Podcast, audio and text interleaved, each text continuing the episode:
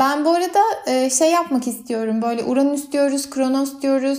E, bilmeyenler için o kronolojiyi çok kısa e, anlatmak istiyorum. Gaia yani toprak ana diye bütün evrenin yaratıcısı oğlu Uranüs'le yani o da gökyüzü diye adlandırılıyor. Gökyüzüyle çiftleşip e, Titanları ve Kiklop ve 150'leri doğuruyor. Bunlar da işte dev gibi kocaman yaratıklar. Hı. Sonra bu Titan kardeşler çiftleşip tanrıları doğuruyorlar. Mesela bu işte Titanlardan bir tanesi Kronos, Zeus'un babası. Hı hı. Kronos annesiyle yani Gaia ile pusu kurup babası Uranüs'ü güçten düşürüyor.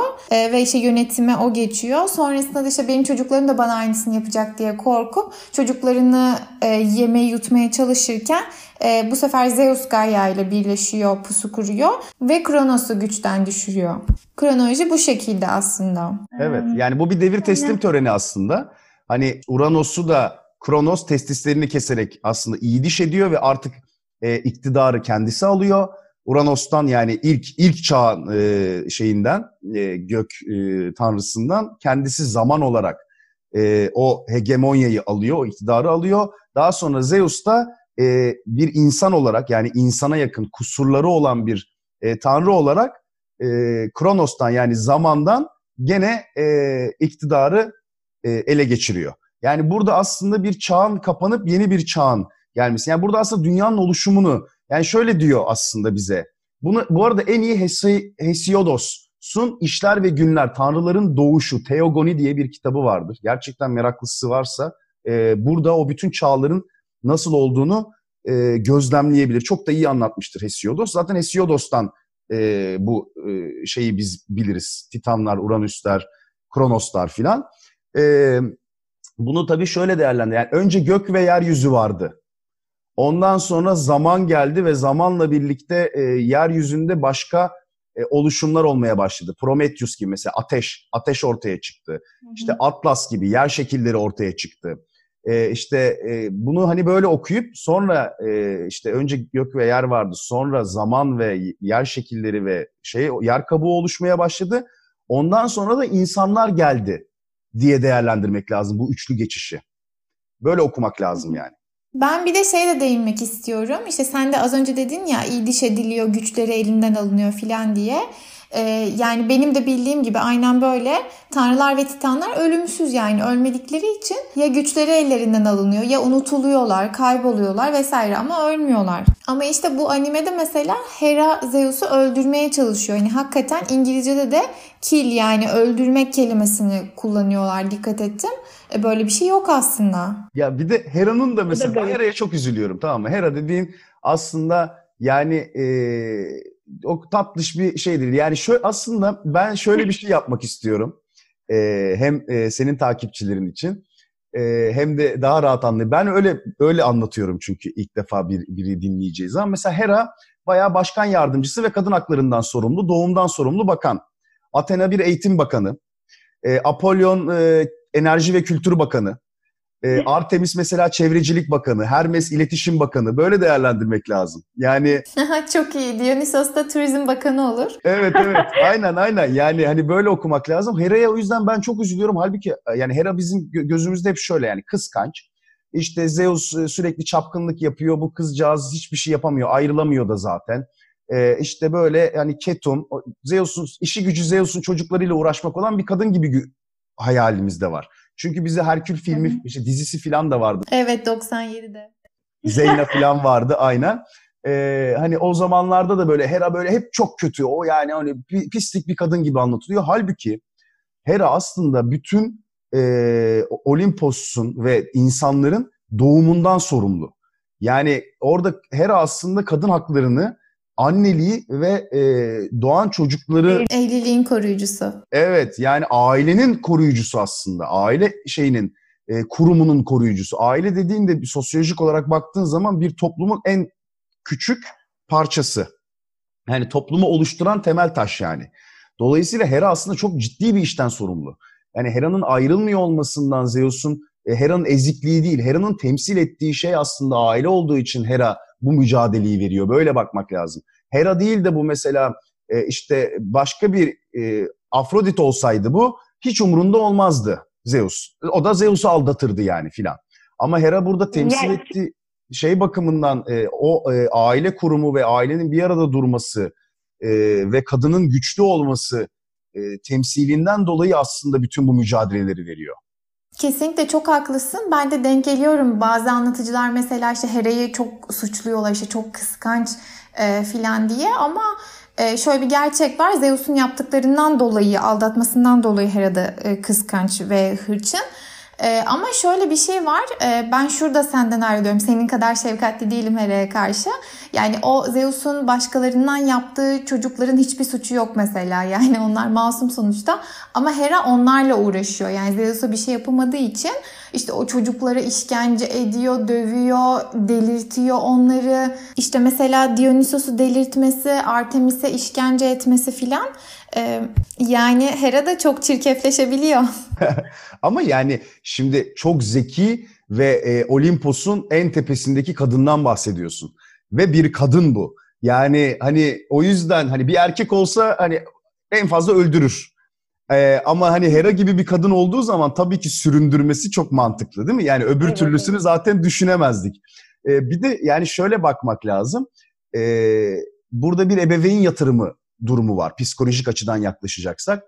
Ee, bir kadın için e, ailenin çökmesinin e, yegane yollarından bir tanesi e, erkeğin başka bir kadınla soyunu devam ettirmeye karar verip onunla bir aile kurmasıdır ya. Hera burada bu tehdidi çok iyi algılıyor ve Zeus kimle birlikte olur ve kimden çocuk yaparsa birlikte olup çocuk yapmadığı olsaydı mesela Hera için çok umursanmayabilirdi bu durum. Çünkü aile kurumuna bir tehdit yok orada. Ama Zeus bir, bir kadınla bir ölümlüyle birlikte olup ondan bir de çocuk yaptığı zaman Hera'nın oradaki hegemonyasına ve aile bütünlüğüne bir tehdit başlıyor. Hera onun için oradaki çocuklarla uğraşıyor. O çocuklar aslında aynı zamanda Hera'nın mevcut iktidarını ve aile kurumunu tehdit ediyorlar. O yüzden e, onları yani çocukları direkt öldürmüyor dikkat edersen. Çünkü sonuçta aynı zamanda Zeus'un kanı olduğu için de kendi kanı da oluyor ve e, çocuğu direkt öldüremiyor. Ama annesine mesela çok büyük işkenceler yapıyor. Semeleye evet. falan yaptığı şeyler yani ölüme kadar götürüyor yani. E, ama çocuklarına mesela bunu yapmıyor. Aslında şefkatli ve e, vicdanlı yani. Hani ben şimdi tabii olumlu tarafından bakıyormuş gibi duruyorum ama bunu böyle değerlendirme, böyle okumak lazım. Yani Hera, Hera için tek önemli şey var.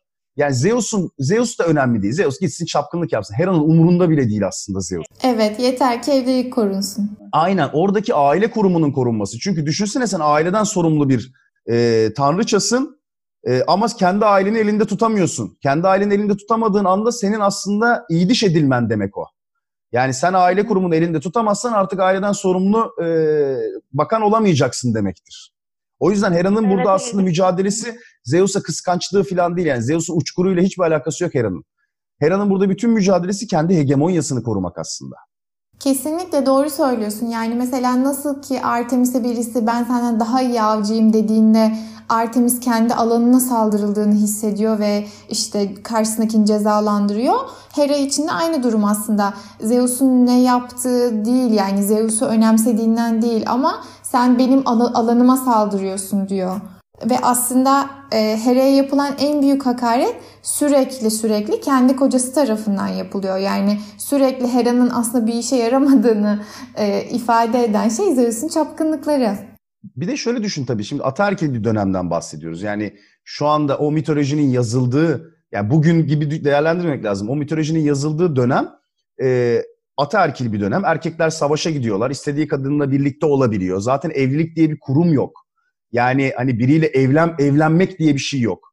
Ee, bir arada yaşıyorsun. Evlilik dediğin 18. yüzyıla ait bir şey yani. Ondan önce kimse kimseyle evlenmiyordu. Yüzükler takılıyordu. Bu bizim ailedendir deniyordu filan ama hani papaz kutsuyordu filan. Hani bir evlilik denilen bir kurum yoktu zaten. Dolayısıyla e, o dönemki kadının gözünden bakacak olursan e, sürekli bir şekilde erkeği elinde tutmaya çalışma. Çünkü evde o da hamile kalacak, çocuk doğuracak. O aileye o erkeğin bakması lazım. O erkek kaçar giderse kadın için çok ciddi ya ortada kalma, çocuğuyla birlikte ortada kalma durumları var o çağda.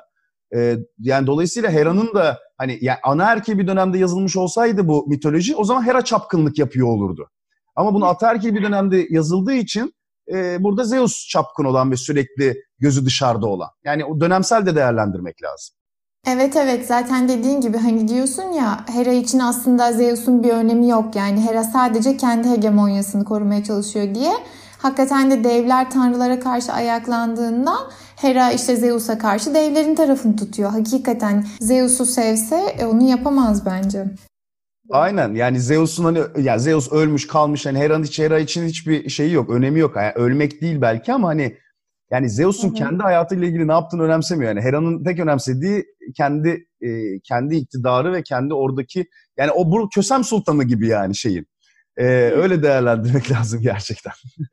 şey bu arada sen oraya kadar izledin mi bilmiyorum. Hera bu iblisle pusu kurup işte devleri falan ayartıp tanrılara karşı ayaklandıklarında e, diğer tanrılar da korkup Hera'nın tarafına geçiyorlar Zeus'a karşı. Yani ben buna da çok şaşırdım. Zeus o kadar güçsüz mü yani? Hani bırakmazlar ki bütün tanrılar Aa, yok Zeus güçsüz biz Hera'nın tarafına geçelim. Olacak şey mi yani bu? Yani ben zaten tanrılarda tabii bir taraf tutma, orada bir lobicilik faaliyeti falan e, gibi durumlar yok. E, yani hani parlamenter bir sistem gibi değerlendirmemek lazım. O e, şey ol dizi olduğu için öyledir. Aslında bütün tanrılar bencildir. Öyle yazılmışlardır ve her tanrı kendi tuttuğu alanında maksimumu yapmaya çalışır. Dolayısıyla hani eğer ki taraf değiştirmiş birinden bahsedeceksek sadece Prometheus'tan bahsedebiliriz. E, çünkü bir tek taraf değiştirmiş olan, kendi kendi ırkına ihanet etmiş olan e, yegane Titan Prometheus'tur. O da insan insana e, ateşi vermiştir. Yani teknolojiyi vermiştir. İnsanın düşünebilme ve aletle e, doğaya hükmedebilme kabiliyetini vermiştir. Orada ateş onu temsil eder. E, dolayısıyla hani bir kişi de değerlendirebiliriz ancak taraf değiştirmiş olan o da Prometheus'tur. Onun dışında Olimpos'un içerisinde herhangi bir şekilde işte biz Hera'nın tarafını tutalım. Zeus'a karşı gelelim ya da Dionysos'un tarafını tutalım. E, işte şeye karşı gelelim, e, Apollon'a karşı gelelim filan gibi hani böyle klikleşmeler filan e, gözlemleyemiyoruz. Hani en azından e, şeyde e, kitaplarda ve anlatılan hikayelerde. Ama orada tabii bir o bir dizi ve e, hani devlerin tarafında da yani devlerin tarafına geçmek gibi bir şey söz konusu olamaz zaten Olimposlular için. Çünkü onlar e, zaten e, ölümden döndüler yani onlarla savaşırken. Yani hani böyle bir şey mümkün değil. Yani Hera'yı da öldürüyorlardı aslında. Ya o yüzden geçmezler o tarafa. İnsanların tarafını tutabilirler. Kendi taraflarını tutabilirler ama artık Titanların tarafına geçmek gibi yani geçmişe dönmek gibi bir şey söz konusu değil. E, kronolojik olarak da. E, dolayısıyla Aynen. hani bunu e, filmsel olarak değerlendirebiliriz ancak. Aynen dizide yapılan bir mantık hatası da oydu bence. Ee, bir de şey değinmek istiyorum. Amazon Alexia var. İlk bölümde görmüşsündür. E, bayağı şey gibi yani köy korucusu gibi o köyü koruyor. Oradaki insanları koruyor filan. Yani e, ne alaka dedim Amazonlar bizim bildiğimiz e, Temiskira denilen bir diyarda yaşayan bir kadın topluluğu. Tamam yer yer işte Truva Savaşı gibi taraf olmaları gereken durumlar olmuş ama hiçbir zaman gidip işte köy korucusu gibi insanları korumamışlar yani. O da garipti. Bir de bu Alexia ölüler diyarında yürüyor. Yürürken karşısına babasının hayaleti çıkıyor. O, o da işte böyle kendisi gibi Amazon gibi giyinmiş. Yani babasıyla duygusal anlar yaşıyor filan. Ne alaka dedim bir kere yani. Amazonlar babalarını tanımıyorlar ki yani. Her şey karman çorman olmuş. Yani annesiyle karşılaşsa mantıklı olabilirdi ama baba e, yani o ana erkil düzenin içerisinde hiç yeri olmayan bir şey dediğin gibi. Aynen aynen kesinlikle. E, ama yani tabii de, yani öyle değerlendirmek lazım. Senin paylaştığın liste çok iyiydi mesela. E, bence e, o çok iyi bir mitolojik okuma serisi. Bir de yani ya, mitolojiyle ilgili olmayan ama aslında mitolojik okuma yapılabilecek şeyler de var. E, öyle de bakmak lazım. Hani her içinde metamorfozlar olan filan. E, hani o yüzden mesela Matrix triloji e, bu konuda çok iyi bir kaynaktır e, Matrix triloji ile e, trilojiyi eğer oradaki isimleri tek tek araştırarak e, giderlerse e, takipçiler e, inanılmaz bir mitolojik okuma yapabilirler. Değil mi? Evet evet. İşte Matrix'teki Morpheus, Persephone, e, Morpheus'un aşık olduğu kız hepsi mitolojiden isimler taşıyor. Niobe, Seraph bunların hepsi hem yani dini mitoloji, e, Anadolu mitolojisi, yani Niobe Anadolu mitolojisindendir. İşte Seraf e, Hristiyan mitolojisidir mesela. Hı hı. E, Morpheus Yunan evet, mitolojisidir. E, işte o Merovingian dediğin aslında bir küçük bir e, şeyin İsa'nın e, Hazreti İsa'nın e, Magdalalı Meryem yani karısı olduğu iddia edilen kadından olan çocuklarının kavmidir, Merovingianlar denir ona mesela filan. Yani çok e, çok derinlemesine aslında o isimlerin her birinin konulmasının çok e, şeyi var. Yani mant, mantıklı şekilde konulmuş. Yani buradaki Elektra gibi öyle sıkmamışlar yani. Matrix'te gerçekten e, her birinin amacına yönelik olarak isimler vermişler. Eğer kendi hani mitolojik okuma yapmak istiyorlarsa o da güzel bir e, kaynak. Kesinlikle. Bununla ilgili de bir e, bölüm hazırlayabilirim gerçekten. E, orada işte Morpheus'un rüyalarla ilgili söylediği şeyler ya da Persephone'un işte kötülerin tarafında esir alınmış olması. Çok güzel göndermeler var gerçekten. Tabii. Yani Wake Up Neo diye başlıyor. Yani çok güzel ben yani onu onu öyle de der. Yani illa bir şeyin mito, direkt mitoloji hikaye olmasına gerek yok. Filmlerde aslında e, mitolojik okuma yapılabilecek, e, mitolojik referanslar veren filmlere de bakarlarsa onlar çok daha e, şey oluyor, kafa açıcı, e, beyin jimnastiği yapmaya daha müsait şeyler olabiliyorlar bazen. Evet kesinlikle. Bu arada bu dizinin yapımcıları ikinci sezon üzerinde çalışıyorlarmış şu anda. Ama ben sanmıyorum ikinci sezonu izleyeceğimi. Bir de senin önereceğin mitolojik kitaplar varsa seve seve alırız gerçekten. Arkadaşlar da sürekli soruyorlar. Yani e, şeyin e, bir kere hani şu dediğim gibi Hesiodos'un Tanrıların Doğuşu, Teogoni e, kitabını mutlaka şey yapsınlar, e, okusunlar. E, onun dışında mitoloji sözlüğü diye e, Azra Erhat'ın çok iyi bir kitaptır. Yani bence başlamak için müthiştir. E, eğer ki e, hani okumadılarsa Homeros'un Odiseyasını okusunlar. Çok güzel, şairanedir. Ama yani biraz yani çev- doğru çevirilerden yani ben can yayınlarından okumuştum mesela memnun kaldım. Hani öyle e, de bakılıp bakılabilir. Benim mesela e, başucu kitaplarımdan bir tanesidir. Sürekli başvurduğum kitaplardan bir tanesidir. Ağır bir kitaptır ama Joseph Campbell'ın Kahramanın Sonsuz Yolculuğu, A Hero with Thousand Faces diye bir kitabı var. E, yani bir kahramanın nasıl kahramanlaştırıldığının aşamalarını o kadar güzel anlatmıştır ki Joseph Campbell'ın bu şeyi e, bir manual gibidir. Yani onu alın elinize oradaki yolculuğu bütün izleyeceğiniz filmlerde görürsünüz. Romantik komedide de görürsünüz. E, fantastik filmde de görürsünüz. O e, kahramanın o sonsuz yolculuğu yani önce köyünde başlayıp sonra işte Call to Adventure'la birlikte devam edip işte uğradığı metamorfozlar falan gerçekten bir metodolojisi vardır. Bunu da adım adım anlatmıştır. Ağır bir kitaptır. Yani ileriki aşamalarda okunabilir ama e, gerçekten derinine girmiş bir insan için mitolojik okuma veya bir kahraman okuması yapacak biri için e, çok iyi bir kaynaktır. Bir başkası da Karl Kerenyi, Kerenyi, Karl Kerenyi yanlış hatırlamıyorsam. Evet, Karl Kerenyi'nin e, Yunan mitolojisi diye bir kitabı. O da en baştan başlar. Yani Uranos'tan itibaren başlar ama böyle e, Odiseya gibi böyle hikayesel bir kitap değildir. Analiz yapan bir kitaptır. Hani niye Uranos'un öyle olduğunu hani biz burada konuştuk ya bu bölümde niye Kronos'un e, o davranışı yaptığını filan e, okuma yaparak yani dönemsel, çağsal okuma yaparak anlatır. O da çok iyi bir kitaptır. Bunları tavsiye edebilirim. Zaten bunları oku yani bunları okusunlar sonra sonrasını yeniden tavsiye ederiz. Bence bu kadar yeter diye. Daha da fazla karıştırmayayım. Süper oldu. Çok teşekkür ederiz. Zaten bu son bahsettiğini ben de okumadım bu arada. Ee, güzelmiş hakikaten. Ben de alıp okuyayım onu. Çünkü biz bunu yapmaya çalışıyoruz zaten. Yani pembe dizi izler gibi hikayeleri dinleyip e, ondan sonra kapatmak istemiyoruz. Gerçekten bunlar bize ne anlatıyor diye almaya çalışıyoruz. Süper öneriymiş. Çok sağ ol.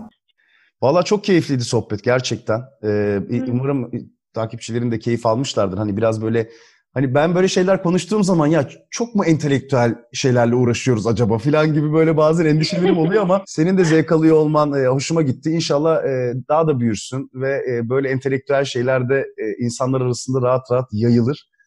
E, Valla çok teşekkür ederim beni de konuk aldığın için. Ben teşekkür ederim. Yani ki geldin bizim bu küçük hesabımıza. Bu arada şeyi söyleyeyim. Benim senin gibi böyle fix bir tagline'im yok. Hani sen sonunda yapıyorsun ya bu işler ince işler, sevgiler falan diye. Benim öyle yok. Ben direkt kapatıyorum yani. Ama kapatmadan şeyi söyleyeyim. Ee, arkadaşlar ince işleri YouTube'dan ve Instagram'dan mutlaka takip edin. Özgür şimdi sağ olsun konumuz mitoloji olduğu için sadece mitoloji konuştu burada ama ince işleri takip ettiğinizde göreceksiniz. Karşılaşacağınız en yararlı kanal yani o kadarını söyleyeyim. Bana teşekkür edeceksiniz sonra. Özgür çok teşekkür ederim. İyi ki geldin. İyi bak kendine. Sen de öyle. Hoşça kal. Çok keyifliydi.